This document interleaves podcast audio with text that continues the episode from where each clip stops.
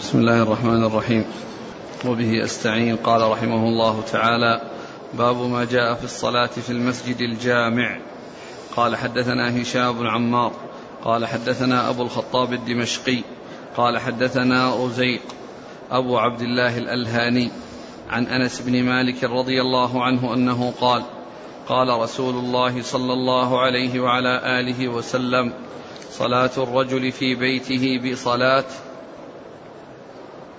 صلاة الرجل في بيته بصلاة وصلاته في مسجد القبائل بخمس وعشرين صلاة وصلاته في المسجد الذي يجمع فيه بخمسمائة صلاة وصلاته في المسجد الأقصى بخمسين ألف صلاة وصلاته في مسجدي بخمسين ألف صلاة وصلاته في المسجد الحرام بمائة ألف صلاة.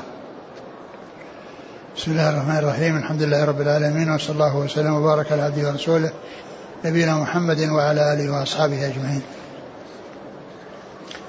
أما بعد فيقول الإمام ماجه رحمه الله باب في الصلاة في المسجد الجامع. آه، آه، الفريضة يؤديها الإنسان في المساجد والأولى للإنسان أن يصلي في مسجد حيه إلا إذا كان مسجد له فضيلة مثل المسجد النبوي فكونه يذهب إليه ويصلي فيه فهذا له فضل وله شأن. وقد أورد ابن ماجه هذا الحديث عن أنس رضي الله عنه وهو يتعلق ببيان فضائل للصلوات وأن الإنسان إذا صلى في بيته فهي بصلاة واحدة وإذا صلى في مسجد القبائل يعني في المسجد حيه فإنها بخمس وعشرين. وإذا صلى في المسجد الذي يجمع فيه فهي بخمسمائة. بخمسمائة صلاة. نعم. وإذا كان في المسجد الأقصى فهي بخمسين ألف وفي المسجد النبوي بخمسين ألف وفي المسجد الحرام بمئة ألف. يعني هذا التفصيل وهذا البيان جاء في هذا الحديث ولكن الحديث ضعيف من حيث الإسناد وفيه نكارة من حيث المتن. أما ضعف الإسناد ففيه رجل هو أبو الخطاب وهو مجهول وأما من حيث المتن فإن فيه نكارة لأنه مخالف للأحاديث الأخرى الصحيحة الدالة. على الفضل في المسجد النبوي وأنها بألف صلاة. فضل في المسجد النبوي وأنها بألف صلاة وكذلك أيضا فيما يتعلق بالمسجد الأقصى ومساواته بالمسجد النبوي. و وأما ما يتعلق بالمسجد الحرام فهو كما جاء بمئة ألف وهذا مطابق لما جاء في الأحاديث الصحيحة. ولكن الحديث بهذا الإسناد لا يصح. وكذلك بهذا المتن لا يصح. وأما ما جاء من أن صلاة الجماعة آه، تفضل صلاة الفجر ب 25 درجة فهذا جاء ثابت. وكذلك بالنسبة للمسجد الحرام يعني ثابت أن الصلاة فيه بمائة ألف صلاة. وأما ما عدا ذلك فإن فإن فيه نكارة. نعم. قال حدثنا هشام بن عمار صدوق أخرجه البخاري وأصحاب السنن. عن أبي الخطاب الدمشقي. وهو مجهول أخرج له. ابن ماجه. نعم. عن رزيق أبي عبد الله الألهاني. وهو؟ صدوق له أوهام أخرج له ابن ماجه. نعم. عن أنس بن مالك. رضي الله عنه خادم الرسول عليه الصلاة والسلام وأحد السبع المكثرين من حديثه. ما القول الراجح في المضاعفة في المسجد الأقصى؟ ورد فيه خمسمائة وهو فيها ضعف. وأحسن ما جاء فيه أن أنها بمائتين وخمسين. يعني ربع ما جاء في المسجد النبوي. قال رحمه الله تعالى باب ما جاء في بدء شأن المنبر. قال حدثنا إسماعيل بن عبد الله الرقي. قال حدثنا عبيد الله بن عمرو الرقي عن عبد الله بن محمد بن عقيل عن الطفيل بن أبي بن كعب عن أبيه رضي الله عنه أنه قال كان رسول الله صلى الله عليه وسلم يصلي إلى جذع إذ كان المسجد عريشا وكان يخطب على ذلك الجذع. فقال رجل من أصحابه هل لك أن نجعل لك شيئا تقوم عليه يوم الجمعة حتى يراك الناس وتسمعهم خطبتك؟ قال نعم. فصنع له ثلاث درجات فهي التي أعلى المنبر. فلما وضع المنبر وضعوه في موضعه الذي هو فيه فلما أراد رسول الله صلى الله عليه وسلم أن يقوم إلى المنبر مر إلى الجذع الذي كان يخطب إليه. فلما جاوز فلما جاوز الجذع خار حتى تصدع وانشق. فنزل رسول الله صلى الله عليه وسلم لما سمع صوت الجذع. فمسحه بيده حتى سكن ثم رجع إلى المنبر فكان إذا صلى صلى إليه فلما هدم المسجد وغير أخذ ذلك الجذع أبي بن كعب وكان عنده في بيته حتى بلي فأكلته الارضه وعاد رفاتا.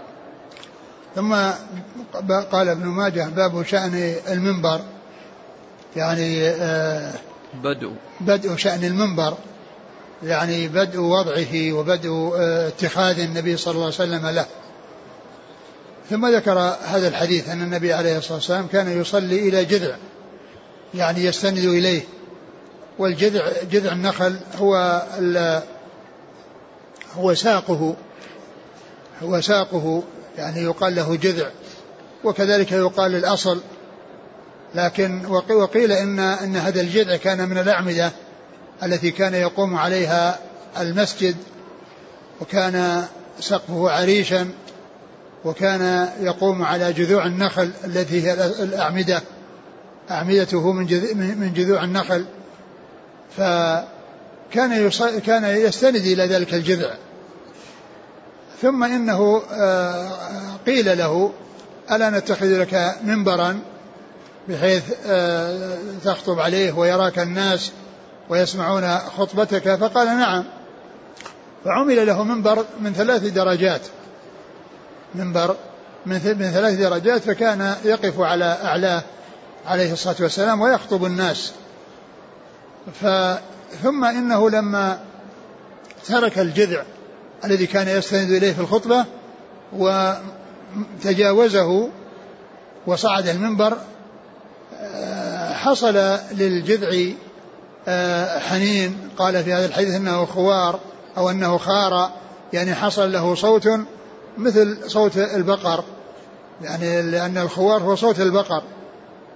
وتصدع وانشق وذلك لكون النبي صلى الله عليه وسلم تجاوزه وترك الاستناد إليه.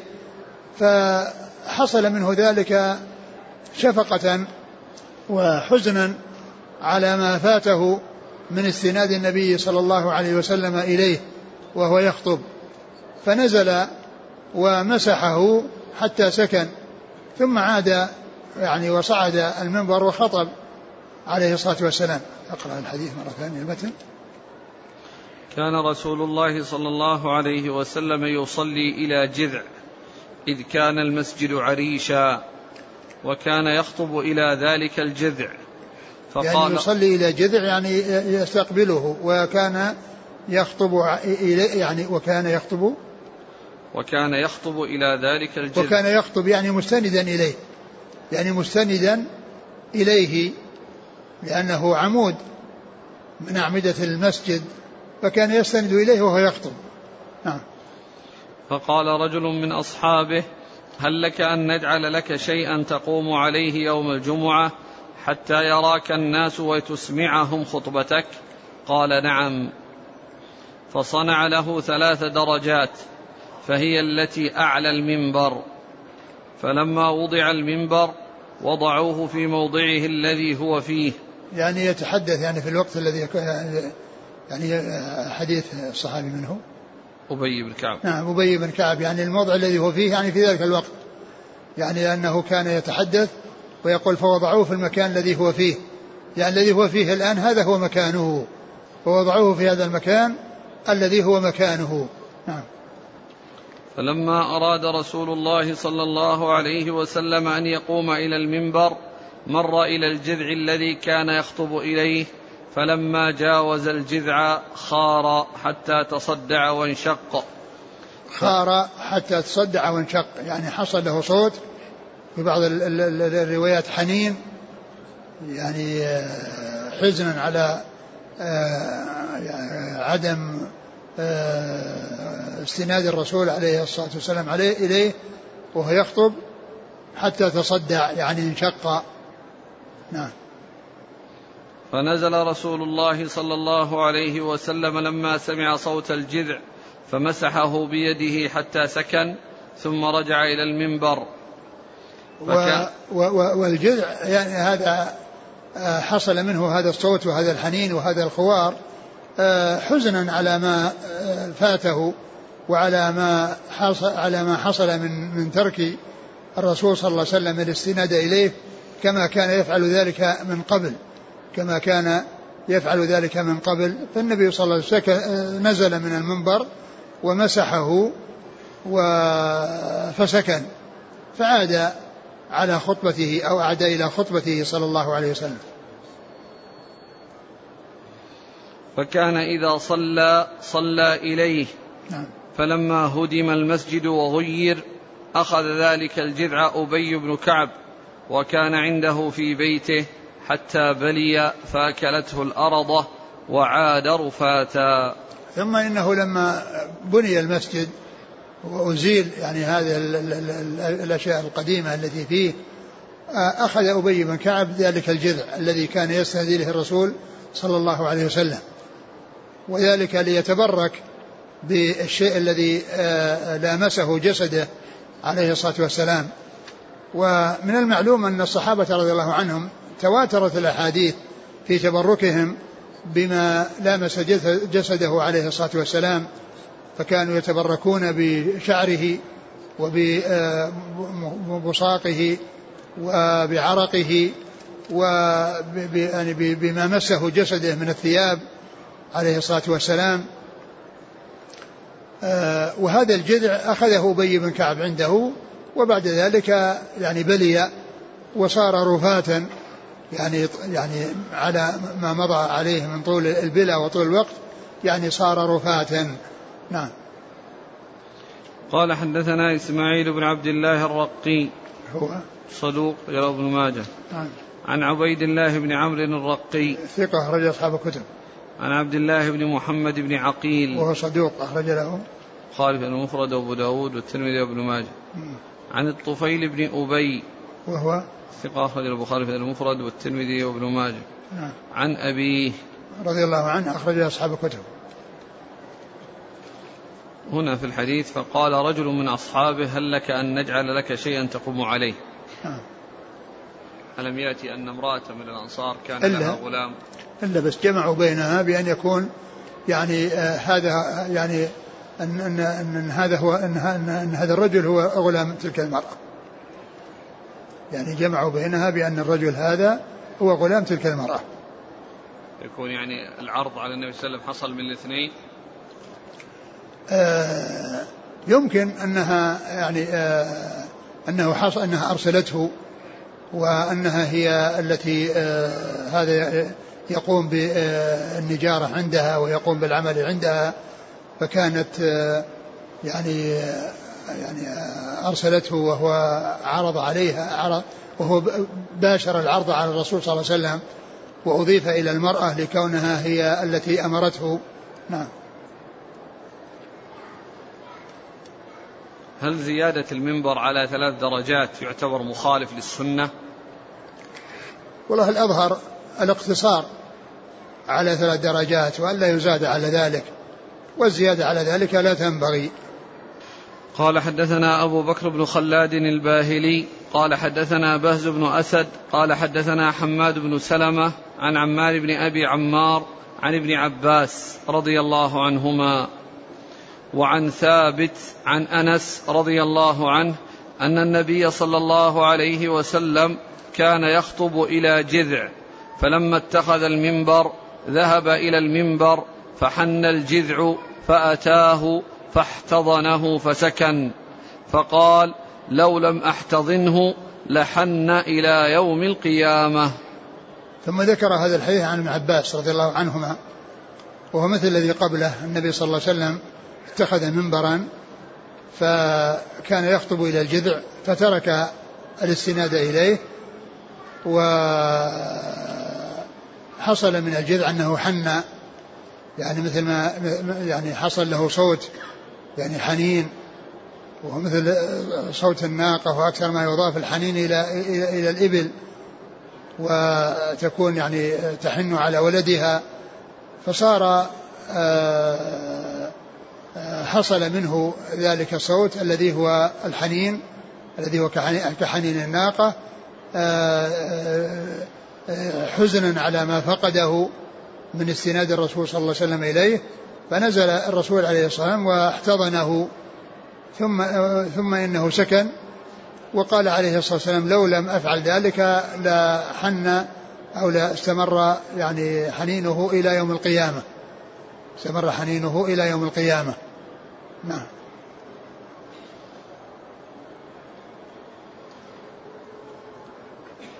قال حدثنا أبو بكر بن خلاد الباهلي. هو ثقة أخرج له. مسلم وأبو داود والنسائي بن ماجه نعم عن بهز بن أسد وهو ثقة أخرج أصحاب الكتب. عن حماد بن سلمة وهو ثقة أخرجه البخاري تعليقا ومسلم وأصحاب السنن. عن عمار بن أبي عمار وهو صدوق ربما أخطأ أخرج له مسلم وأصحاب السنن. نعم. عن ابن عباس. نعم. وعن ثابت عن أنس. ثابت البناني ثقة أخرج أصحاب الكتب.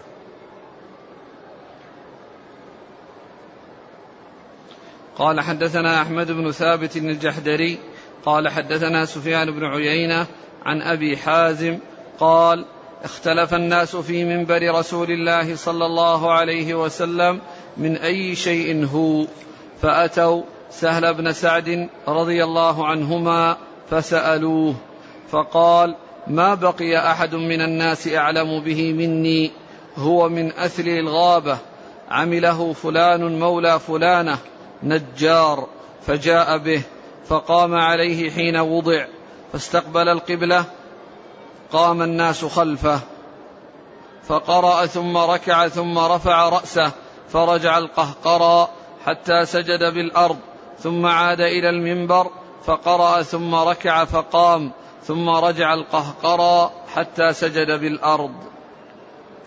ثم ذكر هذا الحديث آه عن عن سهل بن سعد. عن سهل بن سعد الساعدي رضي الله عنه أن النبي صلى الله عليه وسلم لما اتخذ المنبر آه أوله.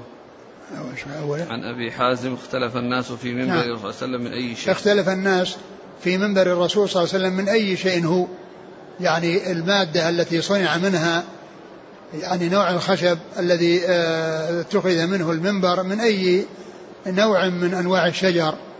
فقال لم يعني لم يبقى لم يبقى أحد أو أنا ما بقي أحد من الناس أعلم به ما مني. بقي أحد من الناس أعلم به مني. إنه من من من, من أثل الغابة. من أثل الغابة. والأثل هو نوع من الشجر. آه، اتخذ منه المنبر. يعني من من من خشب آه، ذلك الأثل آه، اتخذ منبر الرسول صلى الله عليه وسلم. فأتي به. ولما وضع كبر بالناس وصلى وصعد على المنبر ليراه الناس ويشاهدوا أفعاله وليأخذوا عنه كيفية الصلاة كما قال عليه الصلاة والسلام صلوا كما رأيتموني يصلي ثم إنه ركع يعني قام وركع وهو على المنبر ثم لما جاء السجود رجع, القهقرى رجع القهقرى حتى نزل وسجد. فلما قام إلى الركعة الثانية صعد المنبر وفعل كما فعل في الركعة الأولى بحيث ركع قام قام عليه ثم ركع وهو عليه ثم لما جاء السجود رجع القهقرى وسجد عليه الصلاة والسلام.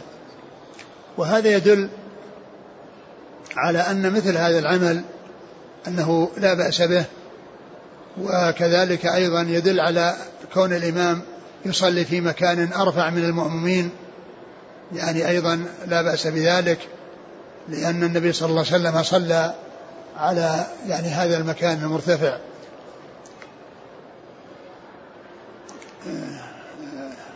إيش أعيد آخر الحديث أعيد قال. اختلف الناس في منبر النبي صلى الله عليه وسلم من أي شيء فاتوا سهل بن سعد فأتالوه.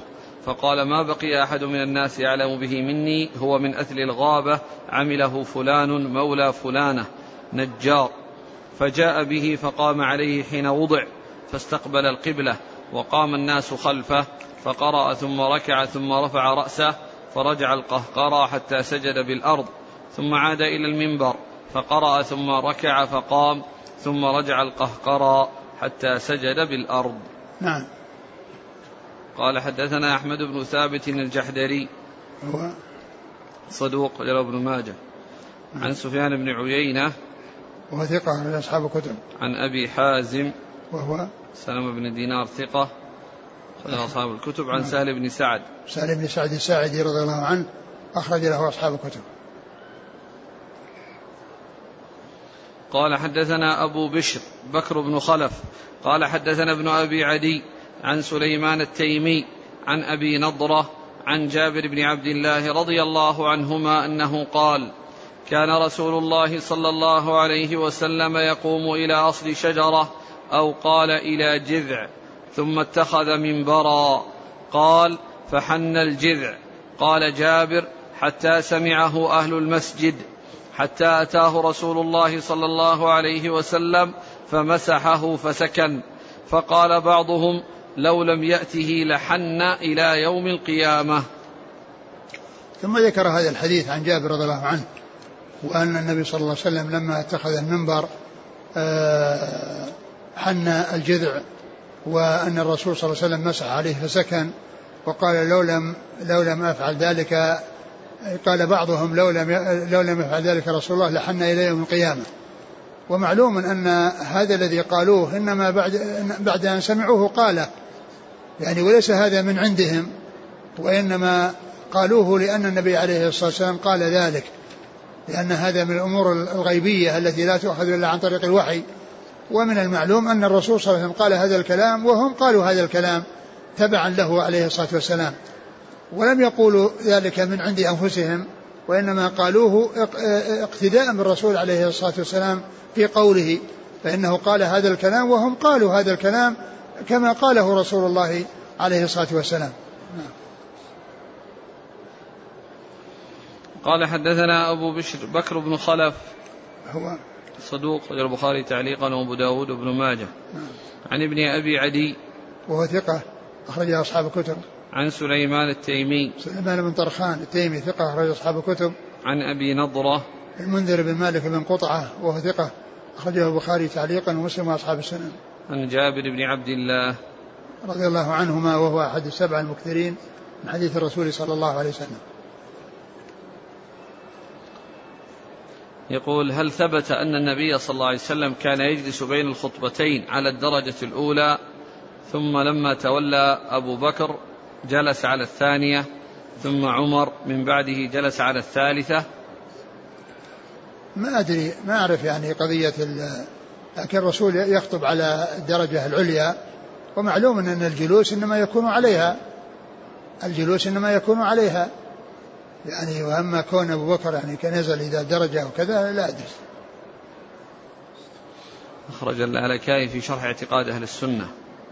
قال أخبرنا عيسى بن علي قال أخبرنا عبد الله بن محمد البغوي قال حدثنا شيبان قال حدثنا مبارك بن فضالة قال حدثنا الحسن عن أنس قال كان رسول الله صلى الله عليه وسلم يخطب يوم الجمعة إلى جنب خشبة يسند ظهره إليها فلما كثر الناس قال ابنوا لي منبرا. قال فبنوا له منبرا له عتبتان. قال فلما قام على المنبر يخطب حنت الخشبة إلى رسول الله صلى الله عليه وسلم. قال أنس وأنا في المسجد فسمعت الخشبة تحن حنين الواله فما زالت تحن حتى نزل إليها فاحتضنها فسكتت. وكان الحسن إذا حدث بهذا الحديث بكى ثم قال يا عباد الله يعني الخشبة تحن نعم. نقرأ المكتبة الجيبية. يقول فكان الحسن إذا حدث بهذا الحديث بكى ثم قال يا عباد الله الخشبة تحن إلى رسول الله صلى الله عليه وسلم شوقا إليه بمكانه من الله عز وجل وأنتم أحق أن تشتاقوا إلى لقائه. يعني الحديث هذا فيه أنهم بنوا. وأنه طلب منهم أن يبنوا وأنه وضع على عتبتين وهذا مخالف للأحاديث اللي فيها أنه من خشب وأنه ثلاث درجات. قال رحمه الله تعالى باب ما جاء في طول القيام في الصلوات. قال حدثنا عبد الله بن عامر بن زرارة وسويد بن سعيد. قال حدثنا علي بن مسهر عن الأعمش عن أبي وائل عن عبد الله رضي الله عنه أنه قال صليت ذات ليلة مع رسول الله صلى الله عليه وسلم فلم يزل قائما حتى هممت بأمر سوء, بأمر سوء. قلت وما ذاك الأمر؟ قال هممت أن أجلس وأتركه. آه ثم ذكر باب آه طول القيام في الصلوات. يعني طول القيام يعني الذي آه آه يكون فيه قراءة القرآن فإنها فإنه يطول وذلك للاكثار من القراءة. وهذا إنما يكون في آه، الصلوات الخاصة وصلوات النافلة التي يصلي الإنسان فيها وحده. أما الصلوات التي يكون آه، معه جماعة فإنه يراعي حال المأمومين. ومعلوم أن النبي صلى الله عليه وسلم أنكر على معاذ لما كان يطيل بقومه ويطيل الصلاة وقال فتان أنت يا معاذ؟ ولكن إذا كان الإنسان يصلي وحده فإنه يطيل يطول لنفسه ما شاء. يعني ولهذا النبي صلى الله عليه وسلم قال في قصة معاذ إذا صلى فليخفف فإن فيهم الضعيف والكبير وذا الحاجة وإذا صلى لنفسه فليطول ما شاء. يعني معنى ذلك أن الإنسان يطول في صلاته حيث لا يكون معه أحد يحتاج إلى مراعاته. أما إذا كان معه مأمومون فإنه يراعي أحوالهم ولا يطيل يعني بحيث يشق عليهم وإنما يحمل على ما جاء هذا على أن الإنسان إذا صلى وحده يعني سواء كان يصلي يعني فريضة أو نافلة يعني هذا هو الذي يمكنه أن يطيل وأن يطول القيام. وعلى هذا فإن آه، أعمال الصلاة آه، التي هي قيام وركوع وسجود وجلوس أطولها القيام لأن فيه قراءة القرآن. نعم. عن عبد الله قال صليت ذات ليلة نعم مع قال عبد الله بن مسعود رضي الله عنه صليت ذات ليلة مع رسول الله صلى الله عليه وسلم فأطال القراءة وهذا معلوم أنه في النافلة يعني حتى حتى هم بأمر سوء. يعني أن أنه قيل هو ماذا؟ قال أقعد. يعني معناه أنه يعني يعمل فعلا لا يليق بكونه يخالف ما كان فعله الرسول صلى الله عليه وسلم بحيث يعني دخل معه في الصلاة ثم يفارقه أو يترك الاقتداء به أو يترك الوقوف معه عليه الصلاة والسلام. فهذا آه، فيه إطالة عليه الصلاة والسلام إطالته عليه الصلاة والسلام في آه، صلاته وهذا إنما هو في قيام الليل. نعم. قال حدثنا عبد الله بن عامر بن زرارة هو؟ صدوق له مسلم وأبو داود بن ماجه نعم. وسويد بن سعيد وهو صدوق له مسلم وابن ماجه. نعم. عن علي بن مسهر ثقة أخرج أصحاب الكتب. عن الأعمش سليمان بن مهران ثقة أخرج أصحاب الكتب. عن أبي وائل. وشقيق بن سلمة ثقة مخضرم أخرج أصحاب الكتب. عن عبد الله. مسعود الهذلي رضي الله عنه أخرج له أصحاب الكتب. قال حدثنا هشام بن عمار قال حدثنا سفيان بن عيينة عن زياد بن علاقة أنه سمع المغيرة يقول قام رسول الله صلى الله عليه وسلم حتى تورمت قدماه. فقيل يا رسول الله قد غفر الله لك ما تقدم من ذنبك وما تأخر. قال أفلا أكون عبدا شكورا. ثم ذكر حديث المغيرة بن شعبة رضي الله عنه وأن النبي صلى الله عليه وسلم قام حتى تورمت قدماه يعني من طول القيام من طول القيام في صلاة الليل. فقيل له يا رسول الله قد غفر الله لك ما تقدم من ذنبك وما تأخر فكيف تفعل هذا الفعل الذي فيه مشقة وفيه تعب شديد عليك. فقال عليه الصلاة والسلام أفلا أحب أن أكون عبدا شكورا؟ يعني كونه غفر له ما تقدم من ذنبه وما تأخر لا يجعله يترك العمل وإنما هذا يجعله آه، آه، يشتغل بالعمل وكونه يؤدي هذه الأعمال. شكرا لله عز وجل شكرا لله عز وجل على هذا الفضل وعلى هذا الإحسان. فهو مغفور له ما تقدم من ذنبه وما تأخر. والإنسان يعمل الأعمال الصالحة ليحصل المغفرة. والرسول عليه الصلاة والسلام الغفران حاصل لكل ذنب تقدم وتأخر عليه الصلاة والسلام.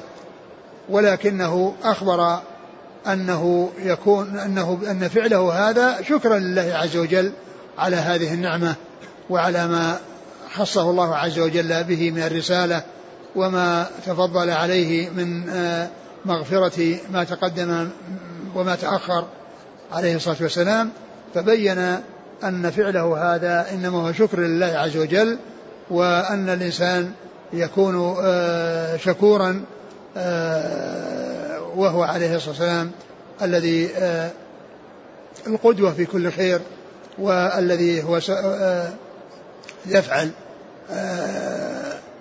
كل ما فيه خير والناس هو قدوتهم وأسوتهم عليه الصلاة والسلام.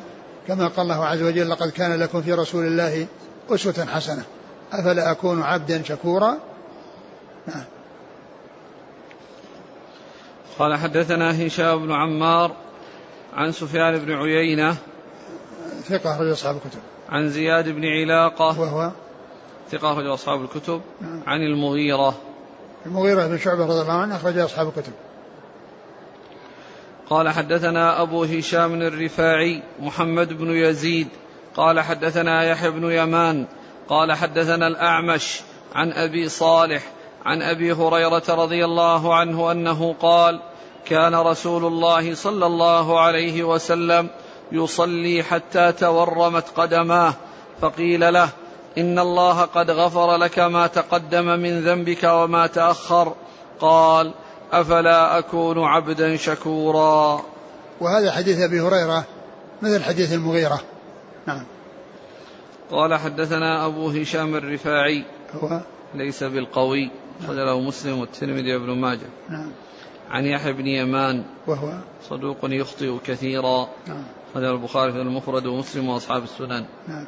عن الأعمش عن أبي صالح. أبو صالح ذكوان السمان ثقة أخرج أصحاب الكتب. عن أبي هريرة.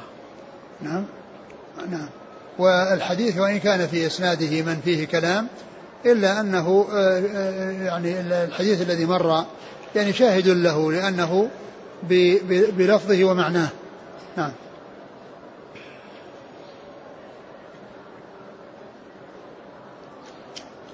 قال حدثنا بكر بن خلف أبو بشر. قال حدثنا أبو عاصم عن ابن جريج عن أبي الزبير عن جابر بن عبد الله رضي الله عنهما أنه قال سئل النبي صلى الله عليه وسلم أي الصلاة أفضل؟ قال طول القنوت. ثم ذكر هذا الحديث عن جابر رضي الله عنه أن النبي صلى الله عليه وسلم سئل عن أي الصلاة أفضل قال طول القنوت. يعني له طول القيام. القنوت المراد به القيام هنا. ومعلوم أن الصلاة فيها قيام وفيها ركوع وفيها سجود وفيها جلوس. ولكن الأفضل ذلك طول القيام طول القنوت الذي هو طول القيام. وذلك لما فيه من الاشتغال بخير الكلام وبقراءة كلام الله عز وجل وهو القرآن. فبين عليه الصلاة والسلام أن أن طول القنوت أفضل شيء في الصلاة. وجاء في بعض الأحاديث يعني ما يدل على فضل السجود وأنه أقرب ما يكون العبد من ربه وهو ساجد وهذا إنما يكون في الدعاء. ومعلوم أن القيام إنما في قراءة قرآن. فإذا آه، آه، أكثر شيء في الصلاة هو القيام. فإذا كان آه، هو الأفضل من غيره لكثرته في الصلاة ولطوله ولكون والاشتغال بقراءة كلام الله عز وجل الذي هو خير الكلام.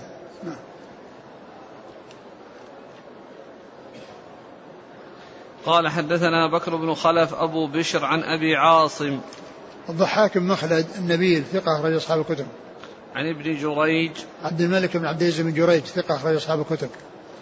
عن أبي الزبير محمد بن مسلم بن تدرس صدوق أخرج أصحاب الكتب. عن جابر بن عبد الله. نعم. قال رحمه الله تعالى باب ما جاء في كثرة السجود. قال حدثنا هشام بن عمار وعبد الرحمن بن إبراهيم الدمشقي وعبد الرحمن بن إبراهيم الدمشقيان. قال حدثنا الوليد بن مسلم.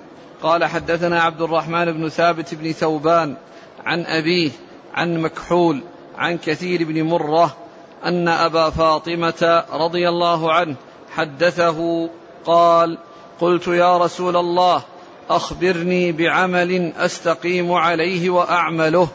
قال عليك بالسجود. فإنك لا تسجد لله سجدة إلا رفعك الله بها درجة وحط بها عنك خطيئة. ثم ذكر باب في كثرة السجود. ومن المعلوم أن المراد بالسجود هنا الصلاة. والمقصود بذلك النوافل والتطوع. لأن التطوع في الصلاة يعني لا يكون بالسجود وحده. كل إنسان يسجد فقط. وإنما بكونه يصلي ويعني والصلاة فيها سجود. ولهذا يطلق على الصلاة أنها سجود ويطلق على المساجد التي يصلى فيها أماكن العبادة يقال لها مساجد. لأن لأن فيها قيام وركوع وسجود وجلوس لكن الذي يشغل الأرض أو أكثر ما يشغل الأرض في حال السجود. بحيث يكون عليها الجبهة والأنف واليدان والركبتان والقدمان. فقيل لها مساجد يعني من أجل السجود الذي فيه شغل الأرض وشغل بقعة ولم يقل لها مواقف ولا مراكع ولا مجالس وإنما قيل مساجد لأن السجود يتكرر في كل ركعة سجدتان. وأيضا شغل المكان إنما يكون أكثر في حال السجود لأن الإنسان في حال قيامه ليس على الأرض منه إلا رجلاه وفي حال ركوعه كذلك وفي حال جلوسه يعني آه، فيه بعضه وأشرف شيء فيه ليس على الأرض وإنما يكون شغل الأرض برجليه بقدميه وركبتيه ويديه ووجهه وأنفه يعني جبهته وأنفه إنما يكون في حال السجود. فإذا المقصود بكثرة السجود يعني كثرة الصلاة. ليس المقصود بذلك كثرة الإنسان يسجد فقط يعني بس يسجد لأنه لا يتقرب إلى الله عز وجل بأقل من ركعتين. إلا في الوتر إلا في الوتر فإنه يصلى. نعم سجدة الشكر سجدة التلاوة هذا شيء خاص لكن الشيء الذي يطلب الإكثار منه إنما هو الصلوات. وليس المقصود بذلك السجدات المفردة التي ليس معها ركوع ولا قيام. ولهذا التقرب لا يكون بأقل من ركعتين كما قال عليه الصلاة والسلام إذا دخل أحدكم مسجد فلا يجلس حتى يصلي ركعتين. يعني معناه لا يصلي أقل من ذلك ولكن له أن يصلي أكثر من ذلك لكن لا ليس له أن يصلي أقل من ركعتين لأنه لا يتقرب إلى الله بركعة واحدة. إلا في الوتر فإنه يؤتى بركعة واحدة تختم الصلاة. تختم صلاة الليل ويجعل الإنسان ما ما صلاه من الليل بهذه الركعة التي يأتي بها في آخره يكون وترا بها. أقرأ أعد الحديث. عن أبي فاطمة قال قلت يا رسول الله أخبرني بعمل أستقيم عليه وأعمله. قال أخبرني بعمل أستقيم عليه وأعمله. يعني المقصود بذلك أعمله وأستقيم عليه. يعني يفعله ويستمر عليه ويداوم عليه. يعني يفعله ويداوم عليه. نعم قال. قال عليك بالسجود فإنك لا تسجد لله سجدة إلا رفعك الله بها درجة وحط بها عنك خطيئة. عليك بكثرة السجود فإنك لا تسجد لله سجدة إلا رفعك الله بها درجة وحط عنك بها خطيئة. قال حدثنا هشام بن عمار وعبد الرحمن بن إبراهيم. هو آه، ثقة رجله البخاري. أبو داود والنسائي وابن ماجه. نعم. عن وليد بن مسلم. ثقة رجل أصحاب الكتب. عن عبد الرحمن بن ثابت بن ثوبان. وهو؟ صدوق يخطئ رجل البخاري في المفرد وأصحاب السنن. نعم. عن أبيه وهو ثقة أخرج البخاري المفرد وأبو داود والترمذي وابن ماجه نعم. عن مكحول وهو ثقة أخرج البخاري في القراءة ومسلم وأصحاب السنن نعم. عن كثير بن مرة وهو ثقة أخرج البخاري في القراءة وأصحاب السنن نعم. عن أبي فاطمة رضي الله عنه أخرج له أبو داود والنسائي وابن ماجه نعم. قال حدثنا عبد الرحمن بن إبراهيم قال حدثنا الوليد بن مسلم قال حدثنا عبد الرحمن بن عمرو أبو عمرو الأوزاعي قال حدثني الوليد بن هشام المعيطي قال حدثني معدان بن أبي طلحة اليعمري قال لقيت ثوبان رضي الله عنه فقلت له حدثني حديثا عسى الله أن ينفعني به. قال فسكت ثم عدت فقلت مثلها فسكت ثلاث مرات فقال لي عليك بالسجود لله فإني سمعت رسول الله صلى الله عليه وسلم يقول ما من عبد يسجد لله سجدة إلا رفعه الله بها درجة وحط عنه بها خطيئة. قال معدان ثم لقيت أبا الدرداء رضي الله عنه فسألته فقال مثل ذلك. وهذا مثل الذي قبله. يعني في بيان فضل السجود والمقصود السجود الصلاة. كما قلنا أن السجود يطلق على الصلاة كما قال وسبحه وأدبار السجود يعني أدبار الصلوات. كذلك في قوله آه، رأيت الذي ينهى عبدا إذا صلى؟ قال في آخره كلا لا تطيعه واسجد واقترب. فإن المقصود بذلك بالسجود هو الصلاة وليس المقصود بالسجدة المفردة التي ليس معها ركوع ولا قيام. وإنما آه، كما ذكرت هي الصلاة التي أقل شيء فيها ركعتان. نعم. قال حدثنا عبد الرحمن بن إبراهيم عن الوليد بن مسلم عن عبد الرحمن بن عمرو أبو عمرو الأوزاعي. وهذا ثقة أخرج أصحاب الكتب وهنا ذكره بكنيته وبنسبه وكنيته توافق اسم أبيه كنيته توافق اسم أبيه فهو عبد الرحمن بن عمرو وكنيته أبو عمرو. عن الوليد بن هشام المعيطي. هو؟ ثقة أخرج له مسلم وأصحاب السنن. آه. عن معدان بن أبي طلحة اليعمري. وهو ثقة أخرج له مسلم وأصحاب السنن. نعم. عن ثوبان. رضي الله عنه أخرج له. البخاري في المفرد ومسلم وأصحاب السنن. نعم. قال ثم لقيت أبا الدرداء. أبو الدرداء عويمر رضي الله عنه أخرج أصحاب الكتب.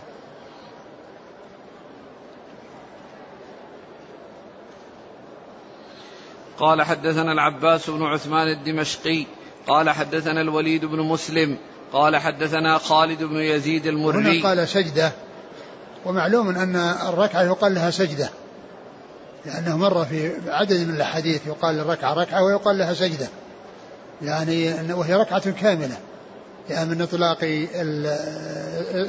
البعض على الكل. نعم. قال حدثنا العباس بن عثمان الدمشقي قال حدثنا الوليد بن مسلم قال حدثنا خالد بن يزيد المري عن يونس بن ميسرة بن حلبس عن الصنابحي عن عبادة بن الصامت رضي الله عنه أنه سمع رسول الله صلى الله عليه وسلم يقول ما من عبد يسجد لله سجدة إلا كتب الله له بها حسنة ومحى عنه بها سيئة ورفع له بها درجة فاستكثروا من السجود. وهذا مثل الذي قبله. نعم. قال حدثنا العباس بن عثمان. هو؟ صدوق يخطئ أخرجه ابن ماجه. نعم. عن الوليد بن مسلم عن خالد بن يزيد المري. وهو؟ ثقة أخرج له أبو داود في المراسيل والنسائي بن ماجه. عن يونس بن ميسرة وهو ثقة أخرجه أبو داود والترمذي وابن ماجه. عن الصنابحي. وهو عبد الرحمن بن عسيرة ثقة أخرج أصحاب الكتب. عن عبادة بن الصامت. رضي الله عنه أخرج أصحاب الكتب. استدل بعض أهل العلم بهذه الأحاديث على أن كثرة السجود في الصلاة أفضل من إطالة القيام. فما رأي فضيلتكم؟ آه معلوم أن السجود أقل من القيام. والحديث الذي سبق أن مرت أفضل الصلاة طول, طول القنوت الذي هو طول القيام. ف يعني هذا يدل على السجود وعلى استحباب السجود وعلى الاكثار من السجود. أي الاكثار من من الصلوات التي فيها سجود. الاكثار من الصلوات التي فيها سجود. لكن ما يكون السجود أطول من القيام. نعم. إذا أطال الإنسان في السجود أكثر من الركوع. هل يكون مخالفا للسنة أم لا بد من التساوي في الركوع والسجود والقيام؟ لا القيام يختلف. التساوي لا يكون يعني بين الركوع والسجود لكن كون الركوع والسجود يعني أو السجود يطال أكثر من القيام أم الركوع لا بأس بذلك لأن الركوع يعني كما هو معلوم يعني إطالته يعني فيه فيه مشقة بخلاف السجود فإنه لا مشقة فيه. وأيضا ورد يعني آه، أن أن الإنسان يكثر فيه من الدعاء. وقال أقرب ما يكون العبد من ربه وهو ساجد. فإطالته عن الركوع أو كونه أطول من الركوع لا بأس بذلك. ولكن كونه يصير أطول من القيام هذا هو الذي فيه إشكال.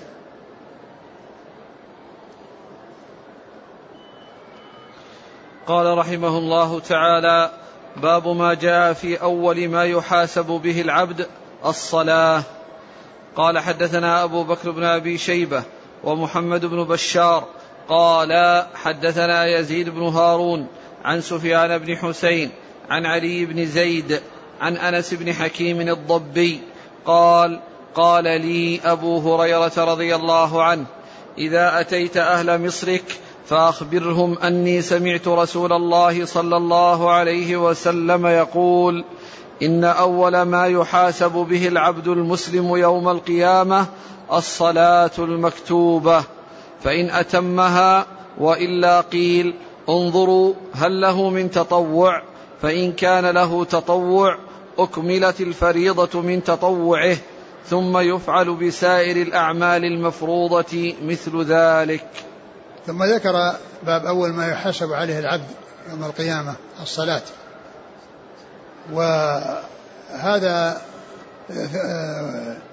ثم أورد الحديث في ذلك عن النبي عليه الصلاة والسلام أن أول ما يحاسب عليه يوم القيامة آه، الصلاة فإن وجد فيها نقص يعني نظر قال انظروا هل له من تطوع فيكمل به يعني ذلك النقص.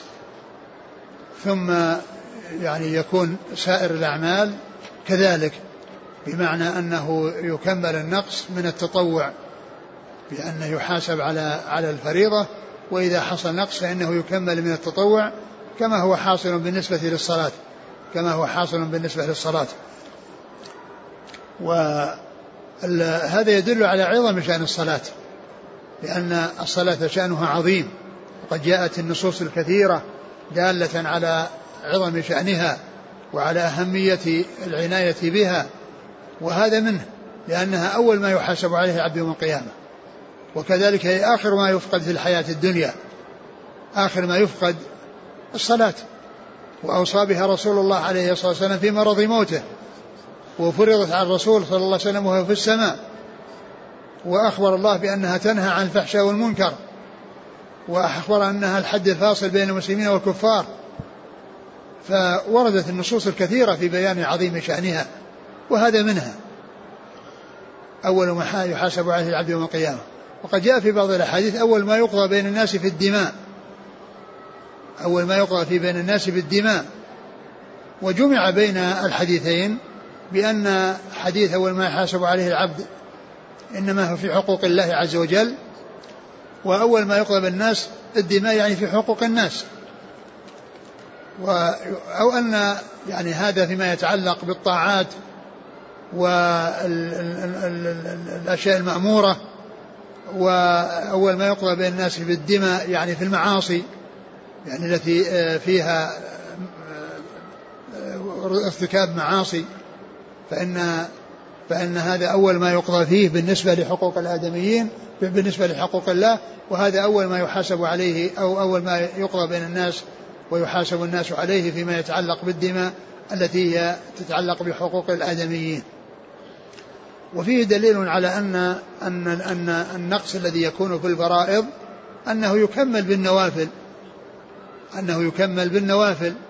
يعني إذا صار حصل في الصلاة نقص تقصير. وقد جاء في الحديث أن الإنسان يصلي لا يكتب له إلا نصفها إلا ربعها إلا خمسها إلا عشرها. يعني معنى في نقص. فتكون النوافل التي فعلها تؤدى أو يكمل منها. وكذلك بالنسبة للصيام وكذلك بالنسبة للزكاة وكذلك بالنسبة للحج. يعني أن الفريضة إذا كان فيها نقص فإنها تكمل من النوافل. لأن النبي صلى الله عليه وسلم قال ثم يكون سائر عمله كذلك يعني أنه يحاسب على الفرض وإذا صار فيه نقص يكمل الفرض من النفل.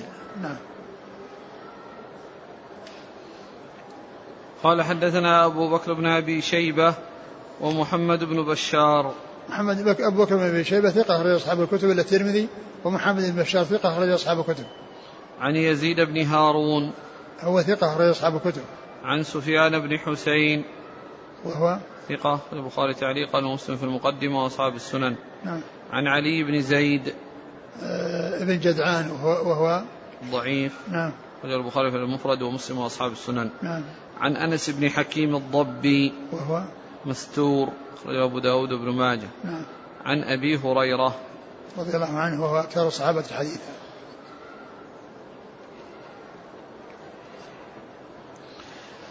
قال حدثنا أحمد بن سعيد الدارمي. قال حدثنا سليمان بن حرب. قال حدثنا حماد بن سلمة عن داود بن أبي هند عن زرارة بن اوفى عن تميم الداري رضي الله عنه. عن النبي صلى الله عليه وسلم حا قال وحدثنا الحسن بن محمد بن الصباح قال حدثنا عفان قال حدثنا حماد قال أخبرنا حميد عن الحسن عن رجل عن أبي هريرة رضي الله عنه وداود بن أبي هند عن زرارة بن أوفى عن تميم الداري عن النبي صلى الله عليه وسلم أنه قال أول ما يحاسب به العبد يوم القيامة صلاته فإن أكملها كتبت له نافلة.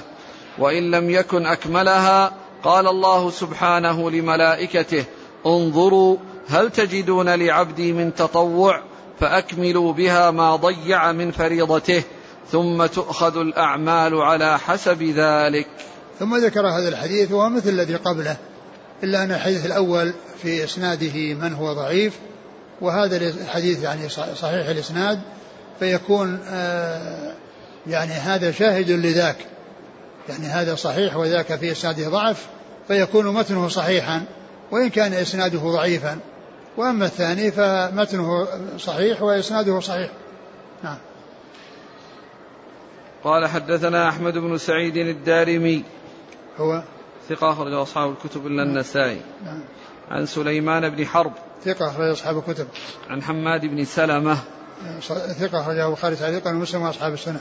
عن داود بن أبي هند. وهو ثقة أخرج له قال تعليقا ومسلم وأصحاب السنن. نعم. عن زرارة بن أوفى. ثقة أخرج أصحاب الكتب. عن تميم الداري. رضي الله عنه أخرج له. قال تعليقا ومسلم وأصحاب السنن. نعم. قال حا وحدثنا الحسن بن محمد بن الصباح. هو؟ ثقة أخرج البخاري وأصحاب السنن. نعم. عن عفان. بن مسلم الصفار ثقة أخرج أصحاب الكتب. عن حماد عن حميد. حميد بن أبي حميد الطويل ثقة أخرج أصحاب الكتب. عن الحسن. حسن بن أبي الحسن البصري ثقة أخرج أصحاب الكتب. عن رجل عن أبي هريرة. نعم. وداود بن أبي هند. عن زرارة بن أوفى عن تميم الداري. نعم. قال رحمه الله تعالى باب ما جاء في صلاة النافلة حيث تصلى المكتوبة. قال حدثنا أبو بكر بن أبي شيبة قال حدثنا إسماعيل بن علية عن ليث عن حجاج بن عبيد عن إبراهيم بن إسماعيل عن أبي هريرة رضي الله عنه عن النبي صلى الله عليه وسلم أنه قال أيعجز أحدكم إذا صلى أن يتقدم أو يتأخر أو عن يمينه أو عن شماله؟ يعني السبحة. ثم ذكر باب صلاة النافلة حيث تصلى المكتوبة. يعني باب صلاة النافلة حيث تصلى المكتوبة. يعني أن الأولى أن الإنسان يكون محل تنفله غير محل فرضه. وقيل لتشهد له الأرض. لتشهد له الأرض. يعني المكان الذي صلى فيه الفريضة هو المكان الذي صلى فيه النافلة. يكون شاهدا له يوم القيامة. ثم ذكر هذا الحديث عن النبي صلى الله عليه وسلم قال يعجز أحدكم أن إذا صلى فرضه أن يتقدم أو يتأخر أو يتأخر أو عن يمينه أو, أو عن, شماله. شمال أو عن يمينه عن شماله. يعني معناه يصلي في مكان غير الذي صلى فيه الفرض. يصلي في مكان غير الذي صلى فيه الفرض. والحديث في إسناده ضعف ولكن يعني آه، له شواهد. يعني آه، له شواهد يثبت بها. يعني هذا المعنى الذي هو كون الإنسان يصلي النفل في مكان غير الذي يصلي فيه الفرض. وذلك جائز لا مانع منه. ولكن الأولى والأفضل أن الإنسان يصلي في النافلة في مكان غير مكان الفريضة. نعم. قال حدثنا أبو بكر بن أبي شيبة عن إسماعيل بن علية. إسماعيل بن إبراهيم بن مقسم الأسدي ثقة. أخرج أصحاب الكتب. عن ليث. ليث بن أبي سليم وهو صدوق اختلط جدا. أخرج البخاري تعليقا ومسلم وأصحاب السنن. نعم. عن حجاج بن عبيد وهو مجهول. أخرج أبو داود بن ماجه. نعم. عن إبراهيم بن إسماعيل وهو مجهول الحال. أخرج له أبو داود بن ماجه. نعم. عن أبي هريرة. نعم. قال حدثنا محمد بن يحيى. قال حدثنا قتيبة. قال حدثنا ابن وهب. عن عثمان بن عطاء عن أبيه عن المغيرة بن شعبة رضي الله عنه أن رسول الله صلى الله عليه وسلم قال لا يصلي الإمام في مقامه الذي صلى فيه المكتوبة حتى يتنحى عنه. ثم ذكر هذا الحديث عن المغيرة بن شعبة أن الإمام لا يصلي في المكان المكان الذي صلى فيه المكتوبة حتى يتنحى عنه.